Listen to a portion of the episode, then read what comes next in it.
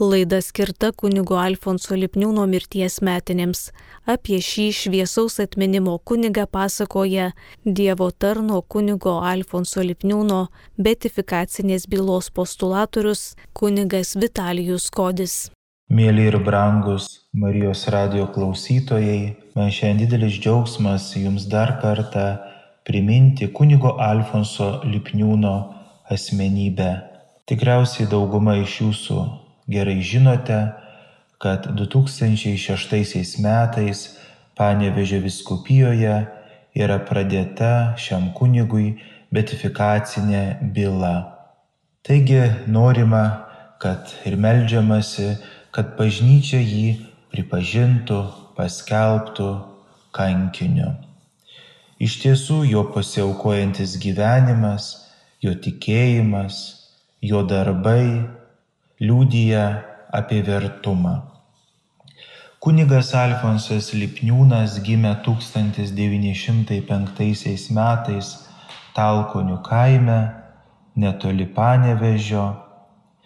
Vėliau kunigas Alfonsas 1930 metais gavo kunigystės šventimus, po šventimų buvo paskirtas į Panevežio katedrą darbavosi su jaunimu, vėliau vyskupo Paltaroko buvo išsiųstas į Prancūziją, į Paryžių, į Lylio universitetus, ten studijavo, 39 metais grįžo į Lietuvą, persikėlė gyventi į Vilnių, buvo Vilniaus universiteto kapelionas, Vilniaus kunigų seminarijos dėstytojas, 41 metais įkūrė Laisvės fondą, rūpinosi vargšais, neturtingais karo metu, tai buvo sunkus laikotarpis, žmonės sunkiai gyveno. Kunigas Lipniūnas 43 metais, kovo 17 dieną, dėl savo pamokslų Vilniaus bažnyčiose dėl savo kunigiškos veiklos buvo nacijų suimtas ir išvežtas iš Tudhofo koncentracijos stovykloje. Joje jisai išbuvo 22 mėnesius. 45 metų sausio 25 dieną jisai su kitais kaliniais ėjo mirties kelią kelišimtus kilometrų 45 metais kovo 28 dieną mirė Putske. Mirimo priežastis yra dėmėtoji šiltinė, ten buvo palaidotas, kapas buvo visada prižiūrėtas. 1989 metais jo kūnas, jo kaulai buvo atvežti į Lietuvą ir perlaidoti, kur šiuo metu ir yra prie Panevežio katedros. Taigi labai glaustai papasakojo kunigo Alfonso Lipniūno biografiją. Jisai gyveno 40 metų, paliko nemažą savo rašytinį palikimą. Apie kunigą Lipniūną ateities kartos turės rašyti knygas, nes iš tiesų apie kunigą Lipniūną, apie jo asmenybę galima kalbėti dienomis. Dar grįžtant prie jo biografijos, svarbu paminėti, kad kunigas Lipniūnas buvo ateitininkas. Šie metai yra ateitininkų metai, kaip mes žinome, paskelbti. Reikia prisiminti jo visą ateitininkišką veiklą Lietuvoje. Tai buvo pirmasis kunigas, kuris buvo nubaustas dėl to, kad vykdė ateitininkišką veiklą, dėl to, kad jisai organizavo susitikimus, dėl to, kad jisai nebijojo. Taigi kunigas Lipniūnas iš tiesų yra kankinys, bet tuo pačiu kankinys ateitininkas dėl tikėjimo. Taigi dabar norėčiau jums truputėlį papasakoti apie kunigo Lipniūno dvasingumą, apie kunigo Lipniūno tikėjimą, apie kunigo Lipniūno pamokslus, yra sakoma, kad tikėjimo žmogų pažinsi iš to, kokį jis turi ryšį su pasauliu, kokį jis turi ryšį su vertybėmis. Yra tikinčiųjų, kurie praktiškai atstovauja netikinčiajam pasauliui, dėja, bet taip yra. Nes jie dažnai pasikliauja jėga, dėja, bet kartais net ir klasta, materija. Yra labai gerų, nuostabių tikinčiųjų, kurie praktiškai stovi pusiaukelėje. Tiki ir Dievo apvaizdą, bet tuo pačiu ir rankomis sukrautomis gerybėmis. Taigi kunigas Alfonsas Lipniūnas šiuo atžvilgiu nebuvo nei netikintis, nei pusiau tikintis.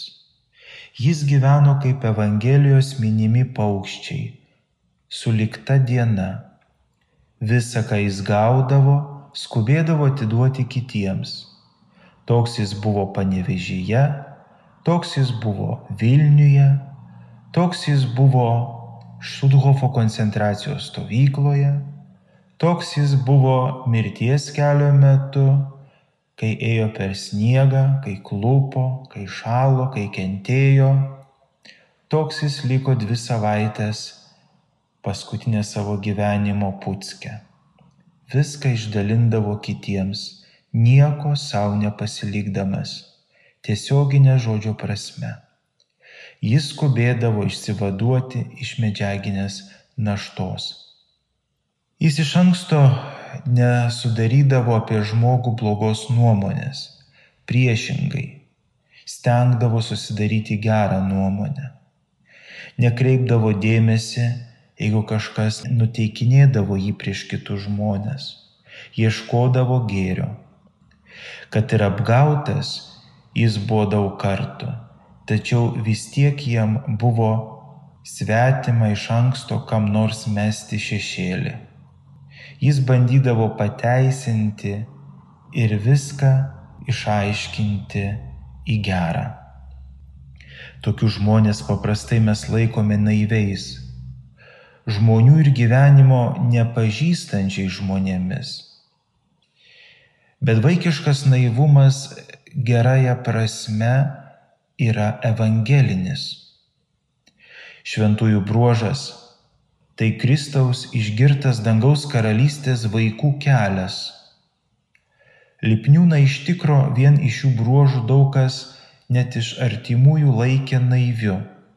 Tačiau šitas naivusis kabutėse Lipniūnas kalbėjo masėms ir masės juto, kad jis kalba į jas kaip žmogus ne iš įmantraus proto, ne iš suktos politikos, bet tiesos ir gėrio, kad jis yra paprastas, žmonės jautė.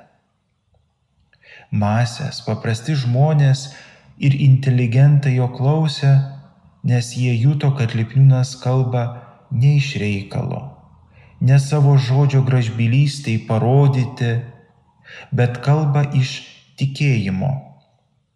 Žmonės ieškojo gėrio ir gali jį pamatyti, gali jį išgirsti tą gėrį. Jie tai žinojo ir jie vilėsi, kad kunigas Lipniūnas jiem tai perteiks.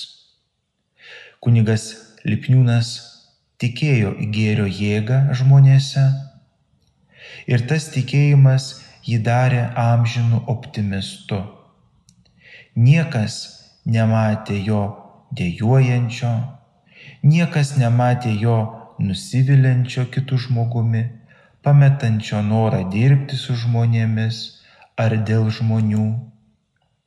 Kazimiera Bradūnenė rašo, kad kunigas Alfonsas Lipniūnas, nors buvo paprastas kunigas, be jokių titulų, bet Vilniuje buvo Vilniaus siela Pamokslai buvo labai gerai paruošti Šventų Jonų bažnyčioje sekmadieniais. Kiekvienas lipniūnas susitikęs pasijūsdavo su juo artimas. Jis taip mokėdavo savo tą dvasios didybę ir nuoširdumu patraukti žmonės, kad niekas jo nesivaržydavo. Jis mokėdavo prašnekinti žmonės ir kažkaip iš karto prakalbinti, prakalbinti sutiktojo sielą. Kai kunigas Alfonsas Lipniūnas sakydavo pamokslus iš aušros vartų balkonėlio ir vėliau eidavo namo, stengdavosi užkalbinti žmonės, stengdavosi užeiti parduotuvės, pasibelsti į kažkokio tai parapijiečio namų duris, pasakyti keletą gražių žodžių, sakinių ir žmonės jautė, kad jie rūpi kunigui Lipniūnui, kad jis jais nuoširdžiai rūpinasi. Kunigas Lipniūnas išėjęs iš bažnyčios dažnai klausdavo žmonių, kam reikia pagalbos, kam reikia kažkokių materialinių gerybių. Jis visą, gaudavo, visą atiduodavo. Vokiečių laikais, kada maisto Vilniuje labai truko, žmonės iš kaimo negaudavo siuntinių arba paramos, beveik badaudavo. Tai ką Lipniūnas padarė? Be jokių komitetų, be jokių formalumų, savo iniciatyva suorganizavo paramą iš kaimo. O ta parama buvo labai konkreti. Kokią nupenėtą keulę atvežė, kokį žirnių maišą atvežė, kruopų, cukraus kažkur sukombinavo.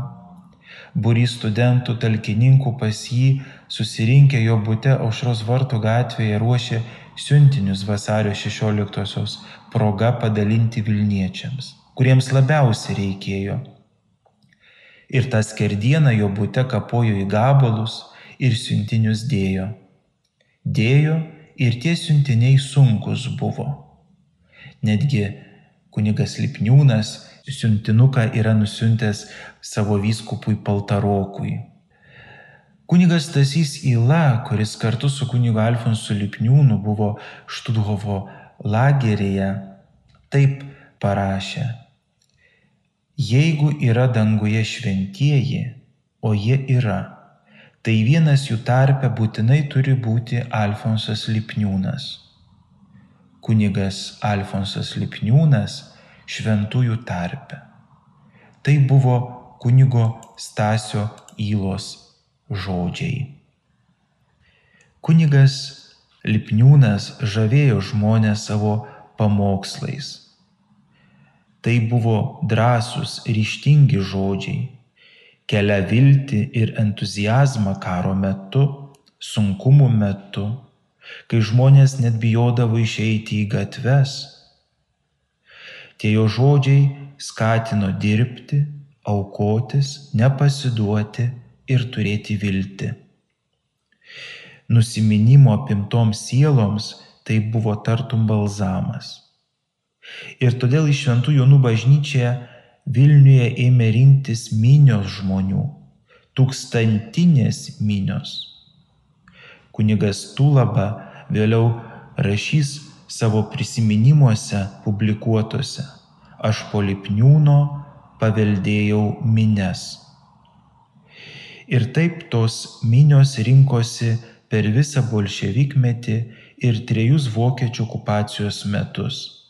Net ir tada, kai pats pamokslininkas jau buvo išvežtas į lagerį. Didelė kunigo Lipniūno pamokslų jėga glūdėjo ne tiek jo retoriniai figūroj. Jis prabildavo labai paprastu stiliumi, kiek jo nuoširdume. Kai jis kalbėdavo iš sakyklos, būdavo jaučiama, kad jis kalba iš širdies gelmių, o toji širdis daug jautė ir pergyveno. Kunigas Lipniūnas kalbėdavo lietai argumentuodavo, bet kai šventoji dvasia jį įkvėpdavo, jis pakeldavo balsą ir pradėdavo garsiai kalbėti. Po pamokslo išeidavo ir žmonėms dalindavo labdarą. dėl to jisai buvo mylimas, nes jis buvo tikras, nuoširdus ir tikintis. Ir štai šioje vietoje, brangus Marijos radio klausytojai, norėčiau Jums perskaityti keletą kunigo Alfonso Lipniūno minčių. Štai kunigas Alfonsas rašo, kai su kuo susitinki, nekalbėk nereikalingų ir artimą užgaunančių kalbų. Arba sulaikyk blogas kalbas, jei gali. Vien artimo blogybių judinimas nieko nepataisė, tik sutepė tuos, kurie juos juodino. Geriau paieškok ir pamėg draugystę su tokiais žmonėmis, su kuriais galima pakalbėti apie Dievo ir sielos reikalus ir apie pagalbą. Jei trūksta tokių šalia tavęs, paieškok, rasi. Įsitikink, kad taip kilnu ir taip turi būti. Daugelis šitaip daro. Bandyk. Paprašyk Dievą, Dievas padės. Tai galima, taip gražu. Dievas girdi ir džiaugiasi tavimi. Pasitikė tavimi, neapvilk. Arba štai kitos mintis kunigo Lipniūno apie vienybę. Būkite viena, kaip aš ir man dangiškas tėvas esame viena, taip kalbėjo Kristus. Iš to pažins jūs, kad esate mano mokiniai, jeigu mylėsite vieni kitus, sako Kristus. Kaip gražu kai pamaldų žmonės myli. Bet kaip negražu, jeigu ir čia įsibrauna nesutarimas. Ir net nemažas, nejaugi nebūtų vaistų. Susimastykime ir pagalvokime.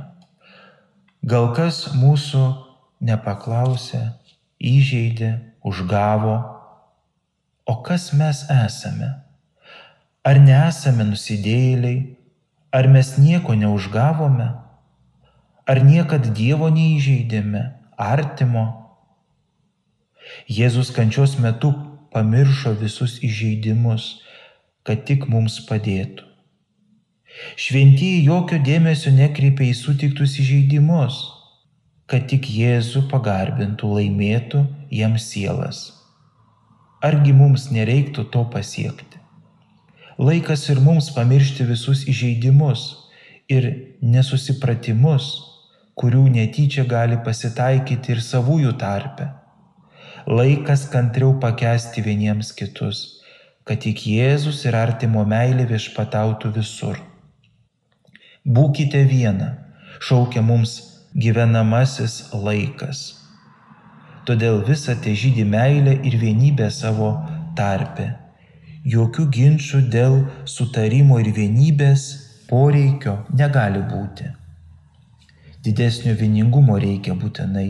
Kristus nori. Ir dar keletą minčių noriu perskaityti apie Jėzaus požiūrį į vargšus. Kunigas Lipniūnas rašo, Jėzus šioje žemėje buvo vargšas ir neturtingas. Retkarčiai jis, jis te būdavo su turtingaisiais, o su vargšais visada. Todėl mylėkime visus žmonės, bet ypatingai vargšus, kurie vargsta, kuriems trūksta ko nors, kurie kenčia dėl kažko, kurie verkia dėl kažko. Kaip vargsta kuklus, kaip mažai jie kai kada ten nori, kaip lengva juos paguosti jei turtingam ir besidžiaugiančiam sėkme mes padarysime ir labai daug, gal už tai padėkos, bet greit jis pamirš. O jeigu varge esantiems mes duosime truputį, atjausime truputį, pasakysime pagodo žodį, vargšai kai kada mus gali atminti visą savo gyvenimą. Kaip gražu paguosti kenčiančią širdį kokia gražia meilė Jėzus atsilygina už tai. Neįmanoma tikra Dievo meilė be aiškiai matomos artimo meilės. Taigi, broliai ir seserys, mes girdime, kad kunigas Lipniūnas iš tiesų kalbėjo labai paprastai. Jo mintis labai aiškios, iš širdies gelmių kylančios. Kunigas Lipniūnas buvo dvasios galiūnas. Jis nebuvo iš tų dvasios vadų, kurie gyvena didelėje mistinėje kontempliacijoje, kurie yra atitrūkę nuo aplinkos, nuo pasaulio, nuo medžiaginių gerybių. Jisai gyveno žemėje, kunigas Lipniūnas. Jisai jautė žmonių poreikius. Jisai daug meldėsi. Tačiau tuo pačiu jisai buvo ir akcijos žmogus Todėl jis turėjo gyvą ir nuolatinį kontaktą su žmonėmis. Jis gerai pažinojo jų reikalus, jų kasdienybę ir puikiai jautė jų gyvenimo pulsą. Taigi išėjus sakyklon pradėdavo nuo paprasčiausių kasdienių reiškinių, bet sakydavo ne teoriškai, bet su evangelinė mintimi perteikdavo tai, kas žmonėms rūpi kas jų buvo realybė, kas jų buvo kasdienybė. Net ir būdamas Štuthofo koncentracijos stovyklos lageryje, jisai pasinėrė į darbą, kad pasotinti gėrio ilgesi. Juk įsivaizduokime, Štuthofo koncentracijos stovykla tai yra pragaras žemėje. Krematoriumai nesuspėdavo deginti numirusių žmonių. Tai buvo baisu. Žmonės kentėjo, žmonės mirė, žmonės kraujavo, žmonės neturėjo ką valgyti, žmonės nebuvo panašus į žmonės.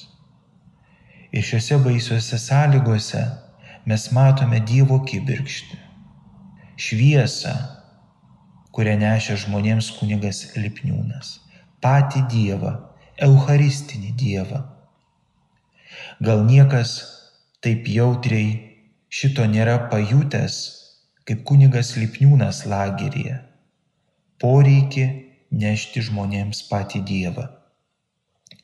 Už tai jis labiausiai iš visų kunigų rodė malonumą dirbti lageryje, slaptai dirbti, rizikuoti, nebijoti. Jam malda buvo ne pareiga, bet pasisotinimas, prieartėjimas prie Dievo. Jis nenuilstantis nuodėm klausys. Ne tik tai panevežyje, ne tik tai Vilniuje, bet ir lageryje. Štai šiandieną Lietuva išgyvena ypatingą laikotarpį, karantino laikotarpį, kada žmonės yra raginami neišeiti iš namų, nesibūriuoti, nelankyti būreis grupėmis bažnyčios, kadangi yra didelė rizika iš tiesų. Ir tokiomis sąlygomis, kai žmonės tikintieji yra ištroškę Euharistijos, yra ištroškę Dievo artumo, gali Dievo artumą ir patį Dievą priartinti į savo gyvenimą. Juk pažiūrėkime, lageryje vyrai ir moteris buvo atskirti. Jie negalėjo susitikti vieni su kitais. Pavyzdžiui, Lenkijos moteris norėdavo atlikti išpažinti pas kunigą. Tai kaip vykdavo. Susitardavo, kad tam tikrą valandą, tam tikroje vietoje moteris stovės ir Dievui sakys nuodėmės, kunigas iš tolo matys jas ir darys kryžiaus ženklą slaptai, kad nieks nematytų ir suteiks nuodėmio atleidimą. Ir tikrai Dievas matė tų moterų gailestį, norą susitaikyti su Dievu prieš mirtį. Ir surasdavo tokiuose baisiuose sąlygose galimybę atlikti išpažinti tokiu būdu. Arba pavyzdžiui, Euharistija. Kokiagi buvo svarbi kunigui Lipniūnui Euharistija. Jis be jos negalėjo gyventi. Juk jis buvo maldo žmogus. Mišios jam ne tik pareiga, bet malda. Jis kaip Kristus po gydymų ir pamokslų norėjo pasitraukti dažnai į vienumą. Tai buvo jo atvangos ir poilsio valandos. Vienumoje mes žinome, kad geriausiai kalbasi su Dievu. Taigi aš asmeniškai laikau didelio ir gyvo tikėjimo ženklų, kad po penkiolikos kunigystės metų fiziškai išsemtas kunigas Lipniūnas pačiomis sunkiausiomis lagerio sąlygomis galėjo beveik kasdien laikyti šventasias mišes. Žinoma, jisai laikydavo vienas, o paskui šventoji komunija buvo dalinama slaptai kitiems dėktukų dėžutėse ir kitokiais būdais. Net evakuacijos metu žygyje, kaip minėjau, jis ėjo per šaltį, per sniegą, krito, mirė kaliniai. Jis rado progos net du kartus laikyti šventasias mišes. Jisai sėmė jėgų iš Euharistijos, nes Euharistija duodavo jam gyvybę, tai buvo gyvybės šaltinis. Ir žmonės puikiai suprato, kad jie negali dalyvauti Euharistijoje, nes yra toks laikotarpis jų gyvenime.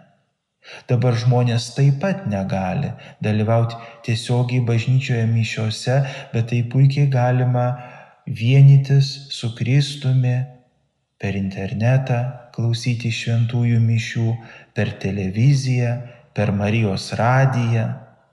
Tai yra tam tikras išbandymas duotas žmonijai. Ne tik tai Lietuvai, bet visiems viso pasaulio tikintiesiems. Nes kad įvyktų prisikėlimas, turi būti gavėnė, turi būti kančia, turi būti mirtis, bet paskui įvyksta prisikėlimas.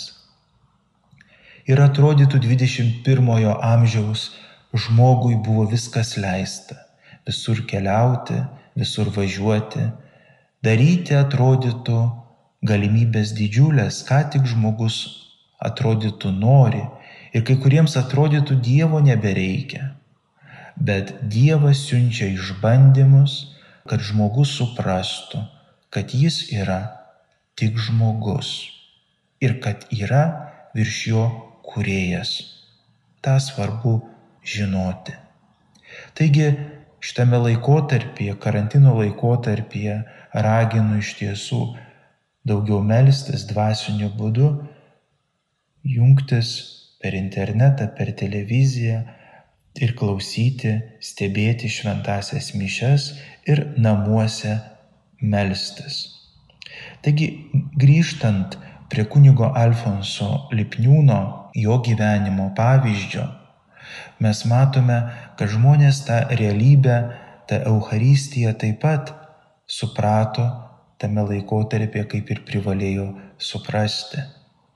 Priminėjo šventąją komuniją, nedalyvaudavo mišiose, nes negalėdavo dalyvauti. Kunigas Lipniūnas savo tarnystę tęsė ir toliau.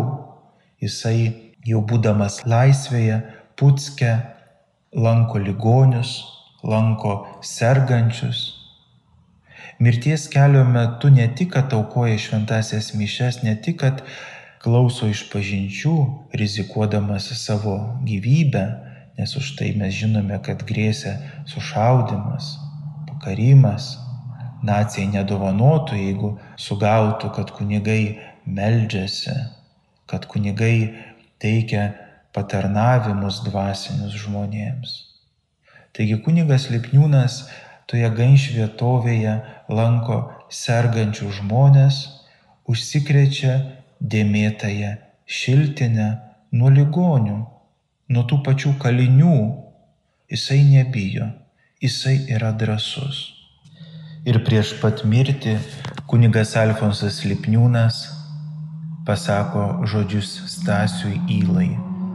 Argi viskas baigta? Ir po pauzės priduria, bet aš prisikelsiu. Ir kunigas Stasys Įla pasako pamokslą per kunigo Lipniūno laidutuvės. Pamokslas buvo pasakytas Putske 1945 metais kovo 31 dieną ir leiskite aš jums jį perskaitysiu. Atsisveikinimas su Alfonsu. Daug buvo vargta, daug buvo nešta, bet gerbti kryžių džiaugsmas nemašta. Užtat aš gaunu stebuklą didį, kad mano gluosniai be žiedo žydė. Baltrušaitis. Dar prieš metus tu išrašiai šitos Baltrušaičio žodžius. Nunaitas stebuklas jau įvyko. Tavo gluosniai pražydo be žiedo ir jie žydės kaip tavo šventas atminimas mūsų širdise ir jie žydės kaip šventoji aureolė amžinybėje. Šiandien, kai mūsų akis regi tave čia paskutinį kartą, mes norime išgirsti ne kieno kito, tik tavo žodį mirė įsikūnijęs Dievas. Kalbėjai tu praeitų metų didįjį penktadienį. Mirė fizinius žmogaus skausmus kentėdamas, nesuprasto Dievo kančias išgyvendamas. Mirė visus įžeidimus užmirždamas, visiems viską atleisdamas. Miręs buvo palaidotas, grabe akmeniu užsklęstas, bet trečią dieną prisikėlė pats prisikėlęs prikėlė gyvenimui teisiuosius mirusius ir pažadėjo prikelt kiekvieną į jį tikinti. Kryžius pasidarė simbolis Kristaus ir žmogaus kančios, bet kartu ir prisikėlimo. Ir vėl tu kalbi lik savo pačiam. Kančia pripildo žemę. Ji yra mano, yra tavo, o kartu ir mūsų visų neišvengiama dalė. Kenčiu aš išvykęs gyvenimo rytą, kenčia motina, leisdama mane į pasaulį, kenčia artimieji, palydėdami mane į amžinybę, kenčia žmogus jaunystėje apie ateitį svajodamas, kenčia subrendęs, save gyvenimui pašvesdamas, kenčia mokslininkas tiesos ieškodamas, kenčia menininkas, formas brandindamas, kenčia visuomenininkas gerovę kurdamas. Kančia yra kelias į gyvenimą. Ji reiškiasi pačiame gyvenime ir ji lydi į amžinybę. Kančia yra kelias į tiesą, į kūrybą, į gerovę. Kančia yra kelias į save, į kito širdį, į patį Dievą. Kančia todėl yra kelias į prisikėlimą. Ir štai kitoje tavo užrašų vietoje radome liktasą to, ką tu tik ką kalbėjai. Mes tikime į mirusiųjų prisikėlimą ir asmeninį gyvenimą. Štai aš sakau jums paslapti, atsimeni tu povilo žodžius, mes visi kelsimės. Umai akimirkoje, kai atsilieps paskutiniausias trimitas. Irgi šitas gendas kūnas turės apsivilkti negendamybę ir tas marus turės apsivilkti nemarybę. O tuomet įvyks žodžiai, kurie yra parašyti - mirtie, kur tavo pergalė, mirtie, kur yra tavo geluonis. Šventojo mirtis yra jo užgimimas. Mes tikim, kad tavo mirtis, mūsų broli, yra tavo pergalė. Ir šiandien mes melžiamės ne už tave kaip mirtingai, bet į tave kaip šventąjį. Tu pats išrašiai žodžius De sanctis in mundo, šventieji pasaulyje. Ir jie nuostabiai tinka tau pačiam. Pamilęs žemę, šventasis ilgisi dangaus. Ištikimas žemės grožiui, kaip pranciškus asižėtis, bet ir visomis galiomis pasinėręs dangaus mėlynėje. Užsimiršti atsipalaiduoti nuo žemės reikalų ir dievų žavėtis. Jokia profesija netrukdo eiti šiuo keliu. Prigimtis yra pagrindas, antgamtiškumas, tikslas. Per pareigas, per darbą save pašventinti. dauginkitės, breskite, o šventieji žemėje. Dviem brūkšniais pabraukitu šiuos žodžius. Visas tavo gyvenimas trumpas, bet toks platus, toks šakotas, šventas. Nesautų gyvenai, bet kitiems ir dėl to toks nežemiškas, toks nerealus tu mums kartais atrodėjai. Būsimiems šventiesiems brandinti, žemės broliams pašventinti, tu dar vyliai įsigyventi. Dabar, kai jog žemės rūpešių šešėlis nebepalies tavo aureolės, galėsi žerti rožės iš aukštybių ir kalbėti į pačias mūsų širdis. Ir tavo balsas skambės ne tik aušros vartuose ir jaunų bažnyčioje, jis skambės per visą Lietuvą ir tavo maldos stiprins visus. Tavo užtarimas palenks Dievo gailestingumą mūsų kenčiančiai tėviniai. Atmink melžiame už mus, tavo iškėčių kelio dalyvius ir nežinančius, kokių bandymų dar teks pakelti. Tu žinai kiekvieno mūsų skausmus ir negalės, tu pažįsti mūsų visų bendrą ilgesį. Mes atsisveikiname dabar tik su mirtinguoju tavo paveikslu. Tavo gydvase pasilieka su mumis. Bet ir jį, tą paveikslą, mes gražinsim ten, kur jam skirta. Iki pasimatymo tėvinėje, iki pasimatymo amžinybėje. Taigi išgirdote broliai seseris kunigo Stasio Įlos pasakytą pamokslą per Dievo tarno kunigo kankinio Alfonso Lipniūno laidotuvės 45 metais. Vėliau, kai kunigas Lipniūnas mirė, daugybė kalinių jį iš tiesų matė kaip šventą žmogų, kaip kankinį ir norėjo, kad prasidėtų betifikacijos procesas. Ne tik kunigas Stasys Ila, bet ir Pilypas Narutis, ir Pečeliūnas, ir čia Lietuvoje, ir užsienyje likę žmonės norėjo, bet negalėjo padaryti dėl suprantamų priežasčių, todėl kad Lietuva buvo nelaisvėje, Lietuva buvo suvaržyta, tuo tarpu dabar visi bendrai mes melžiamės ir tikime, kad išprašysime Dievo kad kunigas Alfonsas Lipniūnas būtų pripažintas Lietuvos kankiniu, kad mes galėtume visi kartu melstis ir jo prašyti pas Dievą mums taip reikalingų kenčiančiai Lietuvai malonių. Kalbėjo kunigo Alfonso Lipniūno betifikacinės bylos postulatorius kunigas Vitalijus Kodis.